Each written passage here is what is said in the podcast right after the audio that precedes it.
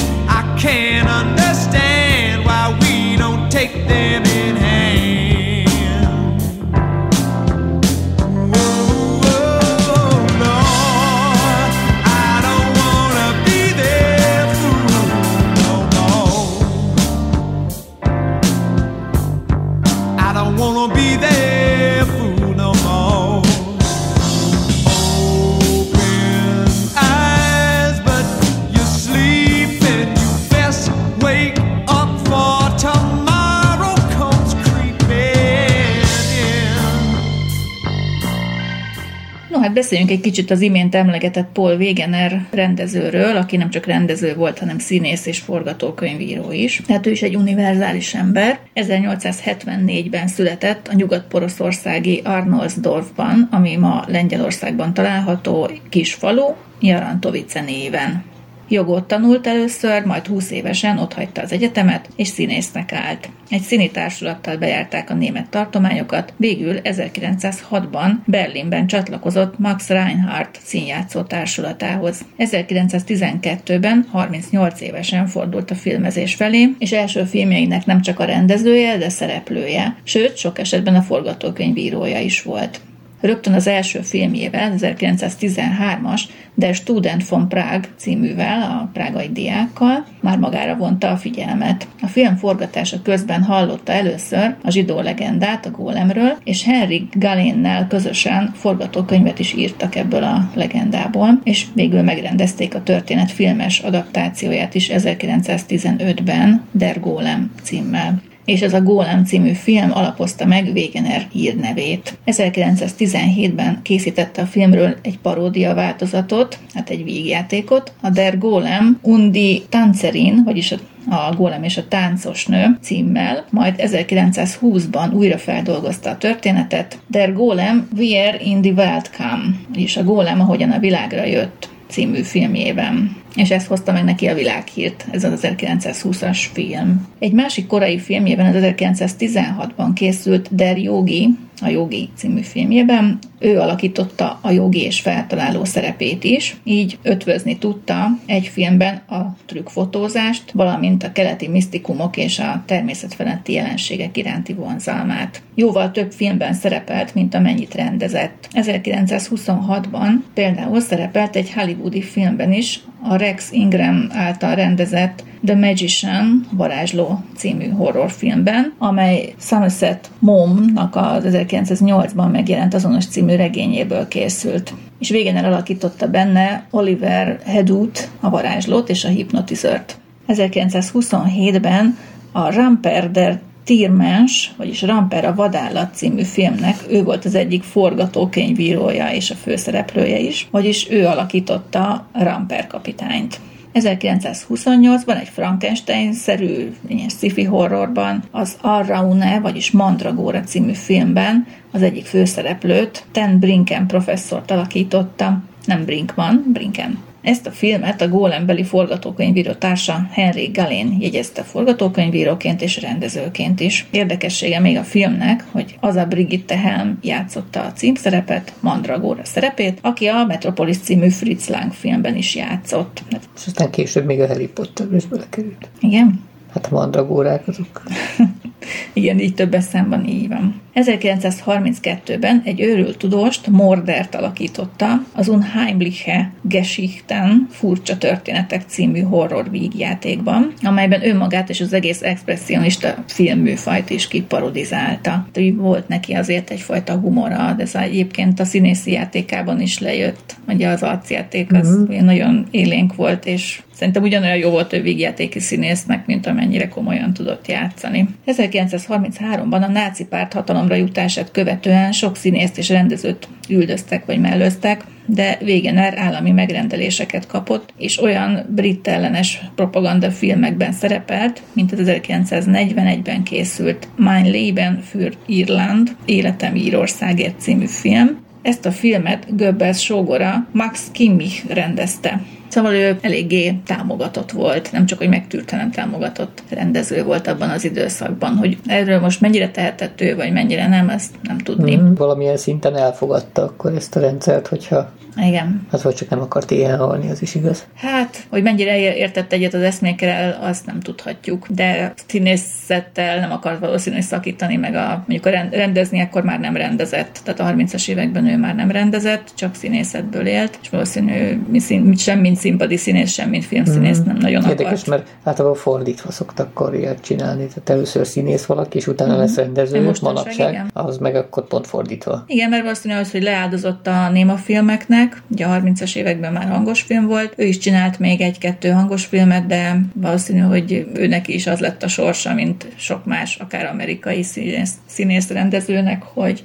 hát a kortársai, akik akkoriban fiatalon fogtak ebbe bele, egyszerűen jobban ment nekik, jobban rá tudtak állni erre az új technikára. Ő pedig addigra már azért lássuk be, hogy 50 fölött volt, és nehezen tudott megújulni, vagy inkább 60 fölött 30-as években. És hát idős színészként, ugye a 40-es években ő már bőven 60 fölött volt, valószínűleg nem akarta elveszíteni a munkáját. De mindezeket csak valószínűsíteni tudjuk, tehát nem tudom biztosan.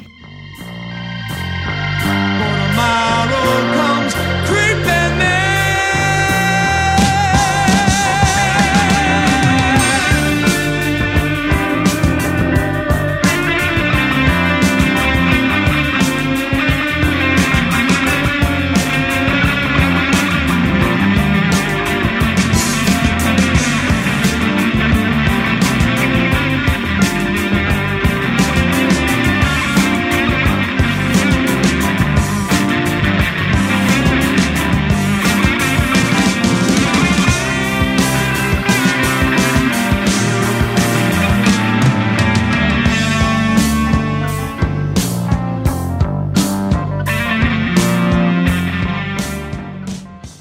Szerepelt az 1945-ös Kolberg című történelmi filmben is, amely a napolani háborúk idején játszódik, és Kolberg porosz város hősies védelmének a történetét meséli el, hogy Napóleon csapatai itt vereséget szenvedtek. Ezzel a filmmel próbálták a német lakosságot ellenállásra buzdítani, hogy szálljanak szembe az előre törő szövetséges haderőkkel, hiszen 45-ről beszélünk. 45 januárjában jelent meg ez a film, és Goebbels volt maga a producere hát hogy ennyire hogy volt az összefonódás, az ő megrendelésére készült, és ő is volt a producer. Hogy mondjam, ez nem ilyen közvetlenül agitált, tehát nem egy ilyen propagandafilm volt, de mégis annak tekinthető, hiszen bújtatottan ott Magyarul volt jó benne. sikerült, jó sikerült propagandafilm. Tehát ő, ő csak ilyenekbe szerepelt, ami nem kifejezetten agitált a német katonaság támogatása mellett, viszont ilyen filmekben igen szerepet vállalt, ahol mondjuk ő neki kellett, mit tudom én, az egyik tábornokot játszania, vagy akárkit, aki... Hmm. Hát akkor mondjuk annyit, hogy jól elkurta. Szóval mégis tevőlegesen részt vett a propagandában, azzal, hogy ezt a szerepet elvállalta, lássuk be. A második világháborút követően Wegener volt a berlini kulturális élet egyik újrateremtője, még 70 évesen is szerepelt színpadon, sőt, még 1945. szeptemberében ő játszotta a címszerepet a berlini Deutsches Theaterben, Lessing Bölcs Nátán című darabjában. Egészségi állapotának megromlása ellenére közösségi szerepeket is vállalt, és elnöke lett például egy olyan jótékonysági szervezetnek, amely elszegényedett emberek életkörülményeinek a javítását tűzte ki célul. Ez viszont szerintem egy ilyen pozitív tulajdonsága volt neki. Hát gyanítom föl kellett mutatni valami pozitívat, uh-huh. hogy úgymond rehabilitálja a közvélemény meg a szakma. Igen, tehát ebben akkor ügyesen lavírozott. Összesen hatszor nősült meg, a harmadik és a hatodik alkalommal érdekességképpen Lida Salmonova cseh származású színésznőt vette feleségül, aki egyébként sok korai filmjében szerepelt partnereként. Érdekes, hogy harmadik és hatodik. Tehát, hogy elváltak, de némi idő múlva újra a feleségül vettem. Szamonov egyébként 15 évvel volt nála fiatalabb, és az idős Wegener utolsó felesége is ő volt, tehát a hatodik, és végül ugye túlélte őt Szalmonova. A negyedik felesége Gréta Schröder, ő 18 évvel volt nála fiatalabb, és 1924-ben házasodtak össze. Gréta a Nosferatu című filmben játszotta a női főszerepet 1922-ben. Az utolsó rendezése Wegenernek az 1936-ban készült Moszkau Shanghai, vagyis Moszkva Shanghai, más címmel Der Weg nach Shanghai, út Shanghaiba című filmdráma, Póla Negrivel a főszerepben. Az utolsó film szerepe pedig színészként 1948-ban volt a Der Grösse Mandarin, a Nagy Mandarin című vígjátékban. Ő játszotta a mandarint. Nem adj gyümölcsöt. A narancsot. Narancsot meg mondjuk valaki más. Szóval 73 évesen még filmfőszerepet kapott. 1948. júliusában a Bölcs Nátán szerepét játszotta éppen ugye a Deutsches Theaterben, amikor az első jelenetben összeesett, és utána két hónappal később hunyt el álmában. Úgyhogy tényleg a színészetnek élt és halt. És volt egy pár maradandó film, amit ő rendezett. És ezekről fogunk inkább beszélni.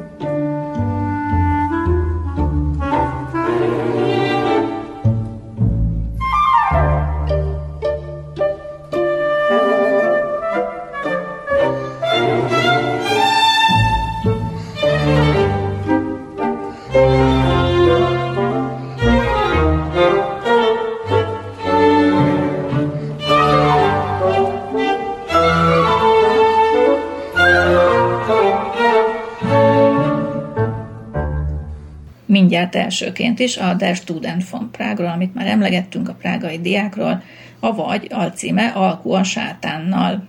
1913-ban készült ez a film, ez volt ugye Wegener első rendezése. Egyébként nem egyedül rendezte ezt a filmet, hanem Stalen Rü Dán származású rendezővel együtt, aki viszont nagyon fiatalon meghalt az első világháborúban, tehát az ő neve alatt nem igen maradt több film. Ez a film részben Edgar Allan Poe William Wilson című novellája alapján, részben Alfred de Musset decemberi éjszaka című költeményén és Goethe Faustján alapul, erre támaszkodik a sztori. Hát innen már sejthetitek meg azt, hogy alkú a sátánnal, hogy nagyjából miről is szól ez az egész. Ez egy kicsit azért, hogy mondjam, át van alakítva, vagy átalakította Wegener a sztorit, és ő saját maga játszotta a főszerepet, vagyis a prágai diákot, és ez volt az első film szerepe is, hiszen eddig színpadi színészként játszott. Ezt a filmet tartják egyébként az első művészfilmnek a filmtörténetben. Berlinben a Babelsberg stúdióban és eredeti helyszíneken Prágában is forgatták, a díszleteket a művészeti vezető Robert A. Dietrich tervezte. A történet 1820-ban játszódik Prágában, és ott látjuk először Balduin nevű diákot, aki hát éli a diákok könnyebb, kicsit kicsapongó laza életét, természetesen pénze az alig van, egy lepukkant padlásszobában él, hát a diáktársaival jár szórakozni esténként. Ezen kívül remek kartforgató hírében is áll, aki számos párbajon van már túl, győzedelmeskedve ugye ezekben. Van egy kedves Liduska, hogy ilyen cigánylány, akinek a szerelmét viszont nem sokra tartja, az úgy látszik a filmben. Liduska ugye próbálja őt körbeugrálni, de ő nem igazán foglalkozik vele. Helyette viszont a gazdag és szép Margit grófnőnek csapná a szelet, és őt szeretné meghódítani, Persze tudja, hogy semmi esélye sincs. És ekkor tűnik fel a színen, a kocsmánál egy démoni alak, akit úgy hívnak, hogy Scapinelli, ilyen kicsit olaszos nevű, ilyen szintén cilinderes, ilyen tudósnak kinéző Kicsit a Caligari Kicsit a Caligari doktorra hasonlító ember, csak nem olyan köpcös alkatú. Igen. És felajánl neki százezer aranyat annak fejében, hogy Balduin szobájából bármit elvihet. Balduin ugye könnyelműen igent mond rá, alá is írják a szerződést, hát hiszen mi olyan értékes dolog lenne az ő szobájában, még szinte bolonnak is nézi az öreget. Scapinelli azonban meglepetésére a tükörképére, mert hogy Balduin tükörképére mutat, hogy azt szeretné elvinni. És meg is teszi, ugye, hiszen a szerződést aláírták. Balduin először nem sokat foglalkozik vele, a sorsa kezd szerencsésre fordulni, egy alkalommal vadászatot tartanak a a gróféknál, és ott megmenti a grófnő életét, amikor az ugye a lováról a vízbe esik. Kiderül azonban számára, hogy a grófnőt már eljegyezték, a bizonyos Waldis Schwarzenberg báró, aki a grófnő unokatestvére. Ennek ellenére, mikor már ugye vagyonos ember lett, hiszen ott a százezer aranyat azt megkapta, és vett belőle magának szép ruhákat, meg házat, meg mindent. Ugye elindul szerelmet vallani a grófnőnek, és kiderül, hogy a grófnő is, szóval a grófnő az nem póckodik ettől az egésztől, viszont a... A faterja az nem annyira... Hát a, a fater az nem annyira rajong érte, mert hát ugye egy nem ismeri, hogy honnan szerezte ő a vagyonát, meg ugye egyébként hát is. Ő, semmi kutya bőre. Igen, tehát nincs rangja, viszont az unokatestvérrel összeházasodva a családi vagyont ugye egybe tudná tartani, és ez még mindig vonzóbb számára. Azon kívül a fértékeny báró úr kihívja párbajra Balduint, mondom, nem gondolva vele, hogy tulajdonképpen egy párbaj hőst hívott ki, és ennek azért megvan a számára maga a veszélye. Viszont a grófnő apja az úgy sejti, hogy ebből nem lesz, nem sül ki jó,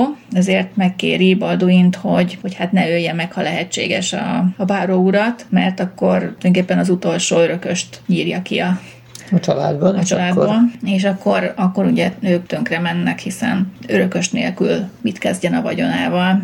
Közben Balduint folyamatosan kísérti az a tükörkép, amit ugye Scapinelli kisajátított, igen, megvásárolt tőle, és önálló életre kelve folyton megjelenik a legváratlanabb pillanatokban, leginkább akkor, mikor a grófnővel találkozgat, és ott rémiszgeti a, először csak a Balduin látja, aztán utána már a grófnő is látja, és hogyha elé tartanak Balduin elé egy tükröt, abban viszont nem látja saját magát, hiszen a tükörképe hát valahol máshol jár. Szóval elég félelmetes ez az egész, olyan bizarr. Balduin pedig megígéri a grófnő apjának, hogy nem fogja megölni a riválisát. A párbaj napján azonban már késve érkezik a párbaj helyszínére, tehát szembe jön vele a saját tükörképe, aki már a véres kardot szorongatja a kezében. Meglátva ez Balduin, hát rögtön rohan, kétségbe esve a, a helyszínre, de akkor már csak a báró holtestét tudja megpillantani. Ezután persze a grófnő is, meg az egész családja megharagszik rá, és nem nagyon fogadják őt. Tehát nem tudja megmagyarázni nekik a szituációt, hiszen ez elég, hogy mondjam, hihetetlen is lenne, hogy nem ő ölte meg, hanem a tükörképem, vagy hasonmása a szerencsétlen bárót. Balduin elkeseredésében ugye hazamegy, és ott is ugye követi a tükörképem, egyre gyakrabban kísérti, és a végén előveszi a pisztolyát, és rálő a tükörképére, és utána úgy tűnik neki, hogy belenéz a tükörbe, és akkor már látja magát, magát, hogy akkor most minden rendben van, megszabadult a tükörképétől, minden visszaállt a rendes kerékvágásba, mire oda mellé, melkasához kap, és akkor látja, hogy vérzik, és akkor utána abban a pillanatban ugye el is ájul, és meghal, hiszen saját magát lőtte szívem. Az utolsó jelenetben pedig láthatjuk Scapinellit, ahogy a diák szobájában eltépi a közös szerződésüket, és nagy kacagás közben eltűnik. Hát ez olyan kafkai történet. Uh-huh.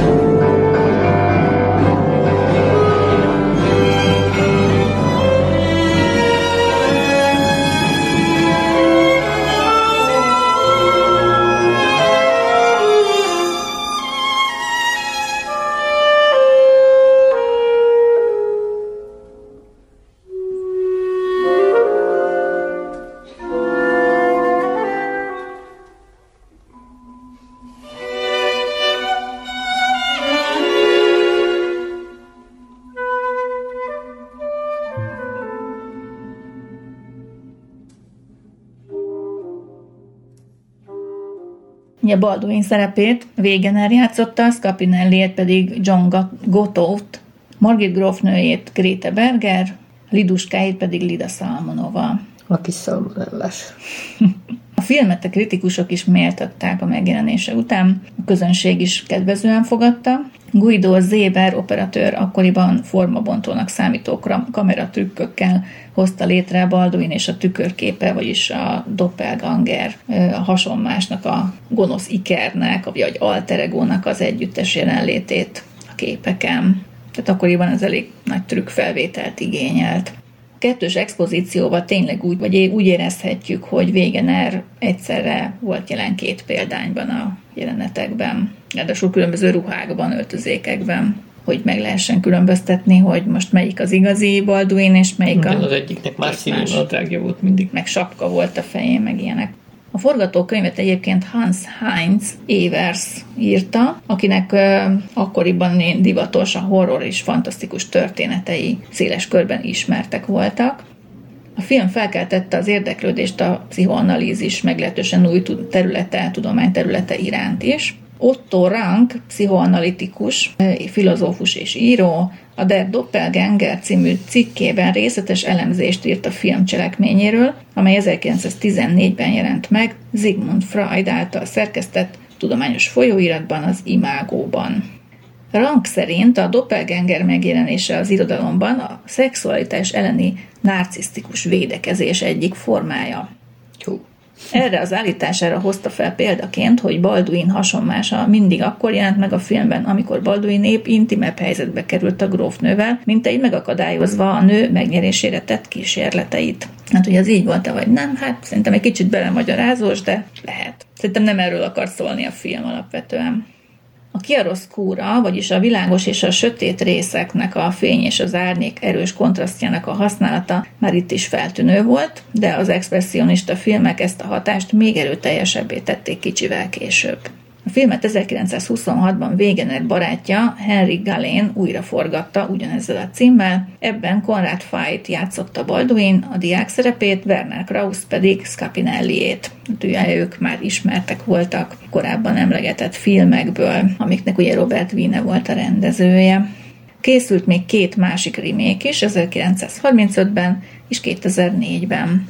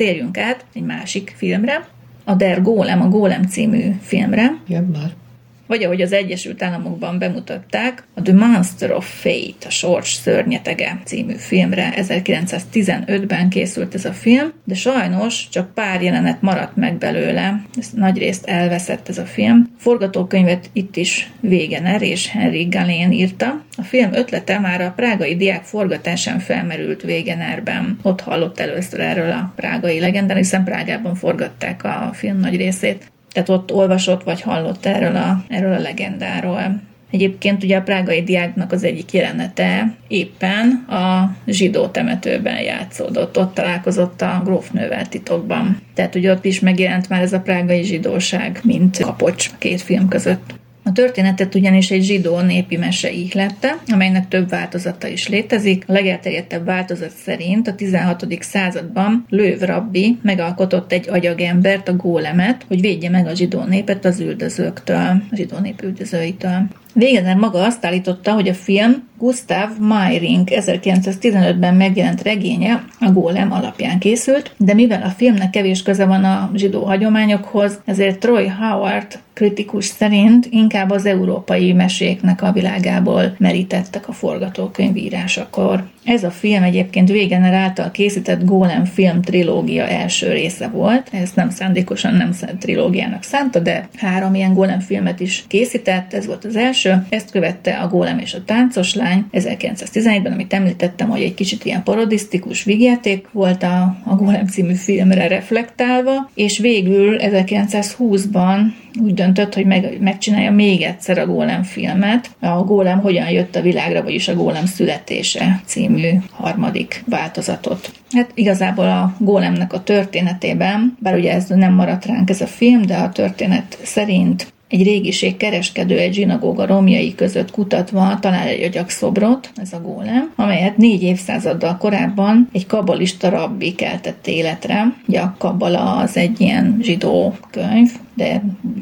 pontosabban én sem nagyon ismerem, hogy ez most miről szól, meg ilyesmi. Hát ez egy valami szerintem egy elég, hogy mondjam, tehát nem egy ilyen tudott tartalmú könyv, hanem csak bizonyos beavatottak könyvek. Tehát és azért is van ennyi legenda, azért fűződik hozzá, mert valószínűleg annyira titkos volt, hogy ugye elkezdtek találgatni az emberek, hogy vajon mi lehetett benne. Na mindegy. Szóval ebben szerepel a gólem, és, a, és ez a rabbi életre keltette egy varázserejű amulet segítségével, hogy megvédje a templomukat és a zsidó híveket az üldözőiktől. A régiség kereskedő feltámasztja a gólemet, miután ugye megtalálta ezt a agyakszobrot, hogy a saját szolgálatába állítsa egy kicsit ilyen ginnes történet. Gólem beleszeret Jessica-ba, a kereskedő feleségébe, és mivel a nő nem viszonozza a szerelmét, a gólem feldühödik és gyilkolásba kezd. A gólem szerepét Paul Wegener, a régiségkereskedőit Henry Galén, ugye a forgatókönyvíró rendező játszotta, míg a, a feleségét Jessica-ét Lida Salmonova. Megint ezt a hármast láthatjuk. A gólem forgatókönyvírója és segédrendezője Henry Galén volt, akinek olyan horror klasszikusok forgatókönyvét köszönhetjük később, mint például az 1922-es Nosferatu, vagy az 1924-es Das Wachsfiguren Kabinet, vagyis a Vias Múzeum. A gólem eredetileg alaktalan, élettelen tömeget, átvitt értelemben pedig csökkent értelmi képességű embert jelent a Talmudban. Jelentősége inkább a kabbalában van. A kabbala a hívei a mai napig úgy tartják, hogy ahogy a teremtő Ádámot megalkotta a földporából, majd életet lehet bele, úgy a megfelelő varázslatokkal lehetséges életre kelteni egy földből, agyakból készült embert is. Az irodalomban is számtalan feldolgozása ismert a gólem történetének, a legutolsó ilyen Marek Halter regényében, a Prágai Kabbalista címűben olvasható.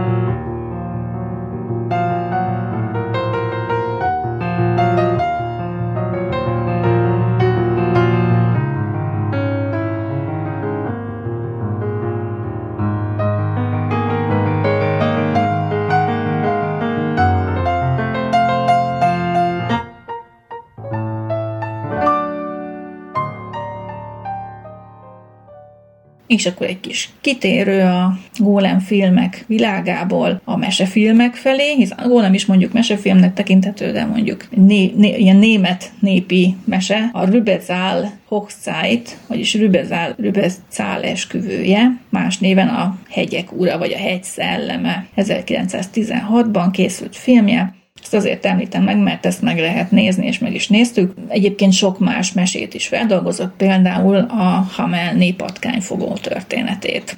Na szóval ezt a Rübecálos filmet, ez is ilyen német népi monda, hát mi nem ismertük, vagy legalábbis én nem ismertem ezt a mondát előtte. Wegener és Rókusz Glize rendezte, Glize volt itt a művészeti vezető. Arról szól, hogy Rübecál egy mesebeli hegyi szellem, az óriás hegyekben éri az életét, egyébként jelen van a cseh, német és a lengyel folklórban is ez az alak. A jó emberekkel barátságosan viselkedik, tanítja őket, meg hogy gyógyít, meggyógyítja őket, meg hogy megtanítja, hogy hogyan gyógyítsanak, és megajándékozza őket. Ha azonban valaki gúnyolódik rajta, vagy rossz ember, akkor súlyos bosszút áll, hiszen ugye a hegy szelleme tud vihart fakasztani, meg mindenféle természeti katasztrófákat. Hát most nagyon haragszik valakire. Hát most például olyan az időjárás, hogy tuti biztos, hogy valaki... Vagy csak csapja a szelet valaki. És a mesékben olykor csalóként is feltüntetik őt. No szóval a történetben Rübec áll, ott kandikál a hegyek fölött, Végener játszotta őt, a kedvesét, a tündét pedig Lida Salmonova, hát ki más is. Miről is szólt ez az egész történet? Hát, hogy Rübec áll szerelmes ebbe a tündébe. A tünde azonban egy földi halandóba szerelmesedik bele, akihez el is szegődik, ugye akinek a családjához elszegődik, mint Pestonka, vagy nem is tudom, ez a nevelőnő. Nurse. Igen és akkor ugye láthatjuk őt rendes szolgálólány ruhában, viszont ez nem tetszik Rübezálnak, aki először össze-vissza keresgéli őt, míg végül rátalál, hogy aha, itt vagy, és, és akkor mi történik? Hát lejön a hegyről. Lejön a hegyről. És hogy jön lefelé, egyre kisebb lesz. Igen, az is érdekes, hogy akkor ő is emberi alakot ölt, és ő is beáll oda szolgálni a családhoz. Végül meggyőzi a, a tünde kisasszonyt, hogy akkor hagyja ott a, a családot. Vagy hogy volt ez most Utána pontosan? őket a vagyonukból. az, az is, igen, vicces, hogy odaültetik az asztalhoz, mert ő lesz az intéző, ugye az új intézőjük, és jól elintézi őket. Leültetik, és mindent megeszik az asztalnál, amit csak lehet. Többek közt. No, a lényeg az, hogy, hogy a tünde az végül is ott hagyja ezt a családot, és akkor visszamegy hozzá sok viszontagság után. Szóval az inkább ilyen kicsit ilyen humoros történet, igazi mesefilm, ilyen, ilyen kis pajkos történet.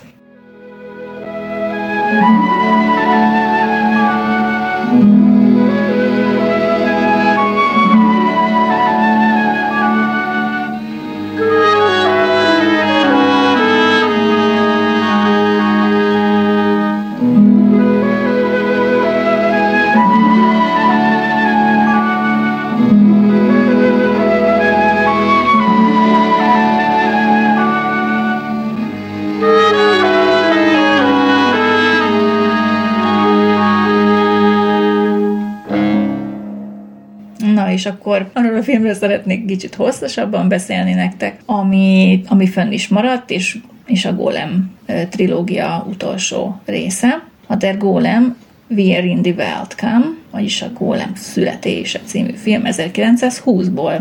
Ez a német expressionista filmművészet egyik ikonikus darabja. Wegener mellett Karl Böse volt a segédrendező, és Henry Galénnel együtt írták a forgatókönyvet ismét, ahogy az első Golem filmnél is. Az operatőr pedig az a Carl Freund volt, aki később a Metropolis és a Dracula filmek filmre vételénél is dolgozott. 1929-től már az Egyesült Államokban élt és alkotott. Ő volt az egyébként, aki a rögzítésmentes kamerát először alkalmazta 1924-ben, tehát nem még ebben a filmben nem, a Golemben nem, de később, ezzel forradalmasítva az operatőri munkát, ugyanis a kamera így nem volt az állványhoz rögzítve a jeleneteknél, és a jeleneteket mozgás közben is fel tudták venni. Állítólag híres volt arról, hogy a hasán hordozta a kameráját, miközben mászkált a forgatás szín helyszínén, és úgy ö, vette föl a jeleneteket. És ő volt az, aki először tette föl a kamerát ö, egy pályán mozgó kocsira, és ő alkalmazta először a darura szerelt kamerát is. Ugye hát ez beláthatjuk, hogy eléggé forradalmi tett volt. Mit? No hát ezt a történetet most megpróbálom röviden, bár elég hosszú, öt jelenetben vették föl, és úgy ki is írták ugye jelenetenként a címeket, feliratokat. 16. századi Prágában játszódik, ahol a zsidó gettóban Lőv rabbi éppen a csillagokat tanulmányozza, és azokból kiolvassa, hogy hatalmas katasztrófa közeledik a város számára. Másnap a német-római császárt látjuk, amint kiadja a rendeletét, amelyben az áll, hogy a zsidó lakosoknak új hold előtt el kell hagyniuk a várost. Érdekes, hogy ezek a hold, meg csillagok, meg ilyen asztrológiai dolgok, ezek elég sokszor szerepelnek. Hát akkoriban az időszámításnak az alapja az ilyen volt, csillagászati. Na szóval Florian lovagot küldi el a császár, hogy hirdesse ki a rendeletet, Florian elég pökhendi, arrogáns egy fickót, láthatjuk őt, egy ilyen fiatal lovag, nem foglalkozik sokat a dologgal, odaadja nekik a összetekercselt rendet, hogy nesze, ez van, tessék, csináljátok meg. Lőv rabbi pedig próbál megoldást találni a népe számára, hiszen nem nagyon szeretnék elhagyni az otthonukat érthető módon. Olvasgatva a kabalában ráakad a gólemről szóló részre, és hogy hogyan lehet életre kelteni. Ezután megmintáz agyakból egy ember alakot, a császárnak pedig visszaüzeni, hogy a várost katasztrófa fenyegeti, ezt látta a csillagokban, és vonja vissza a rendeletét, és különben is ő, a császár mindig számíthat arra a szolgálataira, hogy ő a horoszkópját elkészíti, hogy eddig is elkészítette. Ezzel hálálja meg neki ugye a folyamatos szolgálatait. Florian a Lőv rabbinál tett látogatása során beleszeret a rabbi lányába, Miriamban, a lánynak is megtetszik a fiatal lovag, de az látható, hogy a rabbinak a segédje, a fiatal segédje is szerelmes Miriamba. Hát Lőv rabbi a segédje segítségével feléleszti az agyagembert, úgy, hogy megidézik Astarótot, aki egy démon, és tőle kikényszerítenek egy varázsigét, és ezt a varázsigét felírják egy papírra, és a gólemnek a melkasában található ilyen ötágú csillag alakú amuletbe zárják be ezt a, ezt a varázsigét és ennek az amuletnek a segítségével lehet kibekapcsolni. Igen, az a power gomb. Igen, a power gomb, úgyhogy elforgatják azt a csillagot a melkasában. Hát Lőv Rabbi először háztartási robotként használja ezt a szerencsétlen gólemet, aki először fát vág, meg vizet hord, meg ilyesmiket csinál. Vásárolni sem. Vás, igen, az a legviccesebb. Rémüldöznek a boltban is mindenfelé az emberek. A kis kosárkával a karján, ami tök mereven tart persze, és úgy néz ki, mint Arnold Schwarzenegger a nem is tudom melyik filmben, amikor ilyen robotot játszik a, a jó Terminátor gyakorlatilag. Florian lovag visszatér a gettóba, a császárnak a kérésével, miszerint Lőv Rabbit szívesen látja akkor a palotában tartott rózsa ünnepen, és akkor tárja elé a problémát. Lőv Rabbi ugye el is viszi magával a gólemet erre az ünnepségre, hogy lenyűgözze a császárnak a tudvartartását, hogy mennyire odaadó szolgát, és még lehet, hogy oda is akarja ajándékozni a gólemet a császárnak, hogy ezzel elnyerje a kegyelmet a zsidók számára, hiszen nem akarja ő rossz dolgokra használni a gólemet, hanem inkább segítségként tekint rá. Florián viszont a rabbi távollétében hát körül udvarolja Miriamot, és hát ugye el is töltenek együtt egy némi nemű időt az ágyban, de ezt nem mutatják, csak sejtetik. Eközben a palotában az udvar egyszerre rémüldözik és kíváncsian figyeli a gólemet, ki ott megjelenik. Császár mutatványokat kér a gólemtől, Lőv Rabbi pedig elmeséli a császárnak és az udvarának, hogy a zsidók hogyan vonultak ki annak idején a földjükről, üldöztettek a történelem során sokszor, és meg akarta értetni velük, hogy hogyan is kerültek ők Prágába tulajdonképpen, hogy nekik ugye muszáj volt elhagyni a földjüket, az őseik földjét. Közönség soraiban azonban sokan nevetni kezdenek a történetem, és a palota mennyezete kezd rájuk omlani. Tehát gondolom, hogy a magasabb hatalmak hát átkok. átkok elkezdenek működésbe lépni a gonoszságuk miatt, és beteljesedni látszik a megjövendőlt katasztrófa. Lőv rabbi parancsára a gólem megtámasztja a császári palotának a leomlani készülő gerendáit, így végül is a császár megmenekül, és a hálából pedig megkegyelmez a zsidóknak, és megengedi nekik, hogy maradhassanak a városban.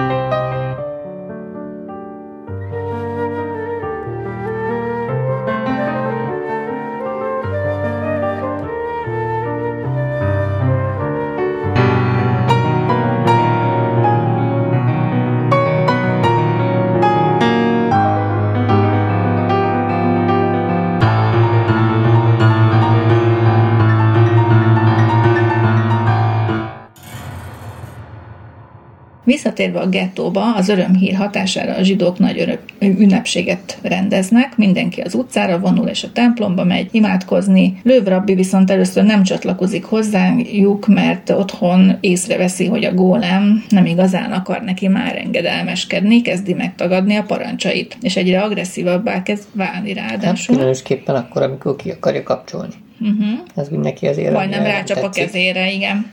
Hát persze, hogy nem tetszik neki hát kezd egy kicsit öntudatra ébredni, és Lövrabi rájön, hogy Astarót hatalmába kerítette a gólemet, végül nagy nehezen kikapcsolja, és utána elmegy ő is csatlakozik ugye az imádkozó tömeghez. Eközben a segédje vigyáz a házra, és rajta kapja Mirjamot ugye Florián lovaggal. Féltékenységében úgy dönt, hogy újraéleszti a gólemet, hogy kiebrudalja Floriánt a házból.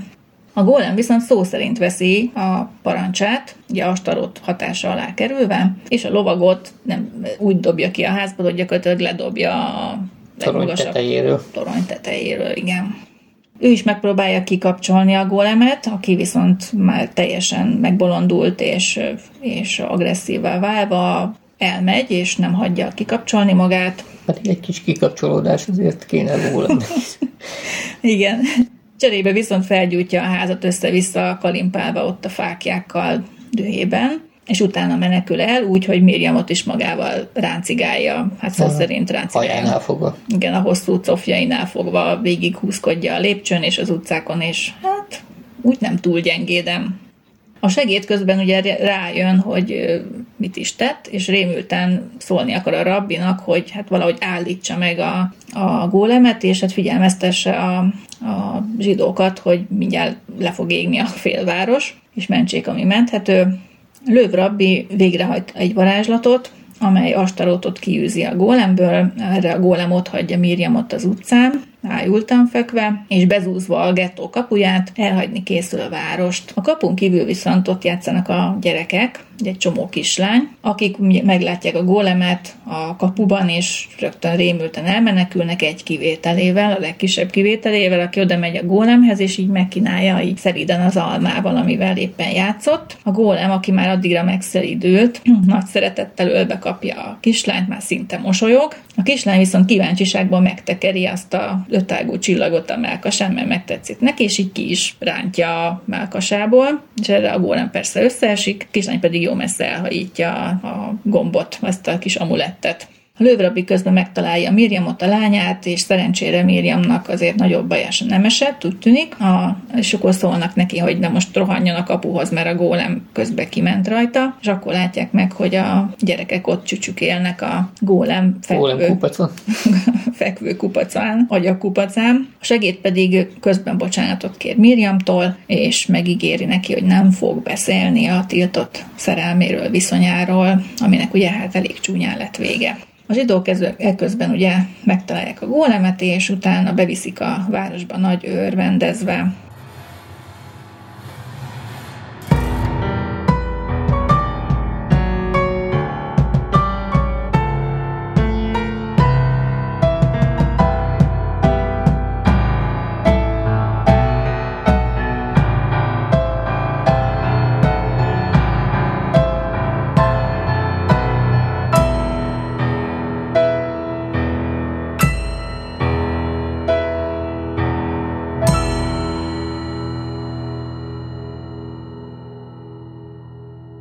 Ugye a gólem szerepét maga Wegener alakította, a rabbi lányát Mirjamot Lida Salmonova, a rabbit pedig Albert Steinrück.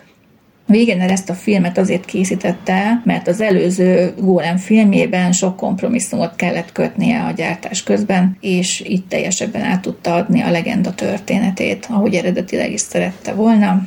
Eredetileg ez egyébként azt tervezte, hogy a, egy másik legendával, az Arraunéval, vagyis a Mandragórával fogja összekötni ezt a sztorit, de végül maradt ennél az eredeti történetnél. Az Arraunét pedig később, 1928-ban vitte filmre barátja Henrik Galén, ott pedig Wegener a professzort alakította. A Golem születését a berlini Tempelhof stúdióban forgatták. Hans Pölcig építész és látványtervező tervezte a díszleteket, az épületeket erősen stilizált művészi módon megalkotva. Tényleg egyébként nagyon jó pofák voltak a díszletek. Mm-hmm. Azok nagyon tetszettek.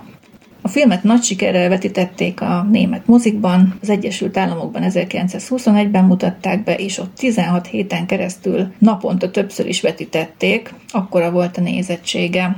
Korabeli kritikusok is méltatták a színészi játékot és a díszletek kifejező megjelenítését, a látványvilágot a dr. Kaligárihoz hasonlították. Szerintem azért más volt, de alapvetően... Hát más, de legalább olyan szint. Uh-huh. Alapvetően nagyon szép kifejező volt tényleg. Viszont furcsa ez a rendező, tehát itt még a zsidó kultúrával, zsidó emberekkel foglalkozik, uh-huh. aztán utána beáll a nácikhoz propagandistának. Hát... Ez nekem olyan kicsit olyan én Diszonáns, nem? Ebből gondolom, hogy azért ő nem hitt teljesen a náci rezsimben, hanem egész egyszerűen csak kényszerből szolgálta ki, már hogy a megélhetés miatt. És szerinted most ennek a rendszernek mennyi olyan híve van művészként, aki, aki azért adja el a lelkét, úgymond, mert mert hisz is abban, a, abban az egészben, inkább, inkább az, hogy hát, szeretne érvényesülni, és kihasználja azt. Hát hogy... érvényesülni, az más, mint megélni. Igen. Tehát a megélhetés, meg az érvényesülés, ez két külön. Tehát, hogy végre csinálhat valamit, mert végre kap rá pénzt. Tehát én erre gondolok. lehet. Tehát, hogy szerintem vannak, akik eladják a lelküket. Vagy a tükörképüket.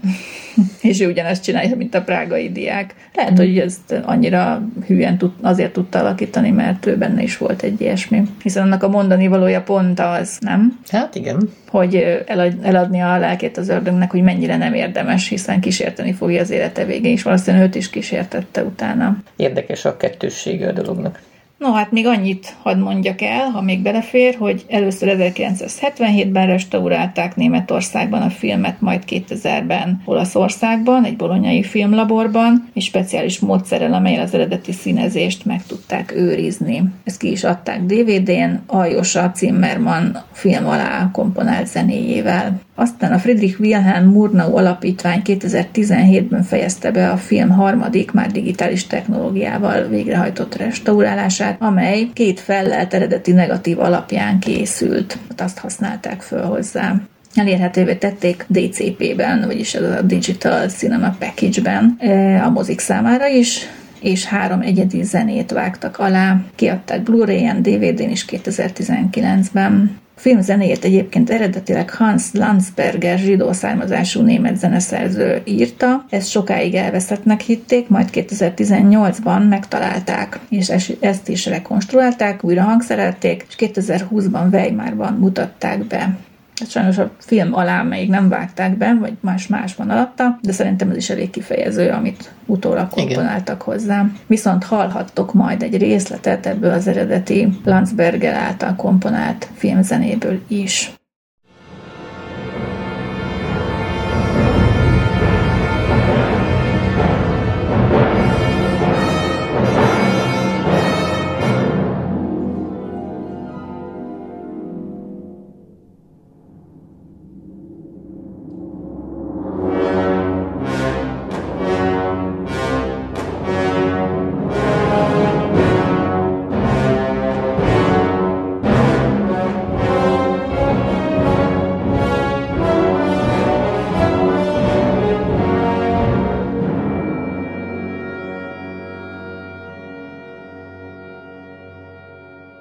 Filmet a filmkritikusok korai német expressionista filmművészet mérföldkövének nevezik és méltatják Karl Freund operatőr munkáját, amely hátborzongató hangulatot kölcsönöz a filmnek. Korai Frankenstein filmek előfutáraként tekintenek erre a filmre, és a horror filmnek egyik korai példájaként emlegetik. Ez volt az egyik első olyan film, amely az ember alkotta szörnyeteg fogalmát bevezette a mozi történetébe. Mert ez kimondottan barátságos szörnyeteg volt helyenként.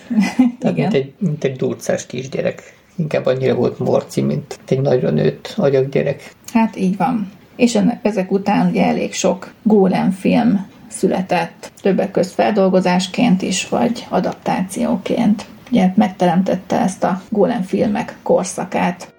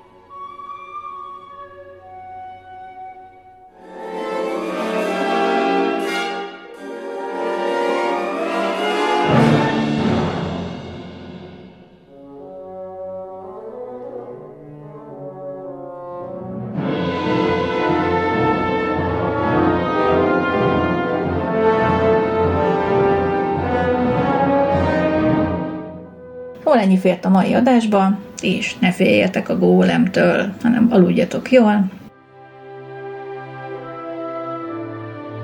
Sziasztok! Sziasztok!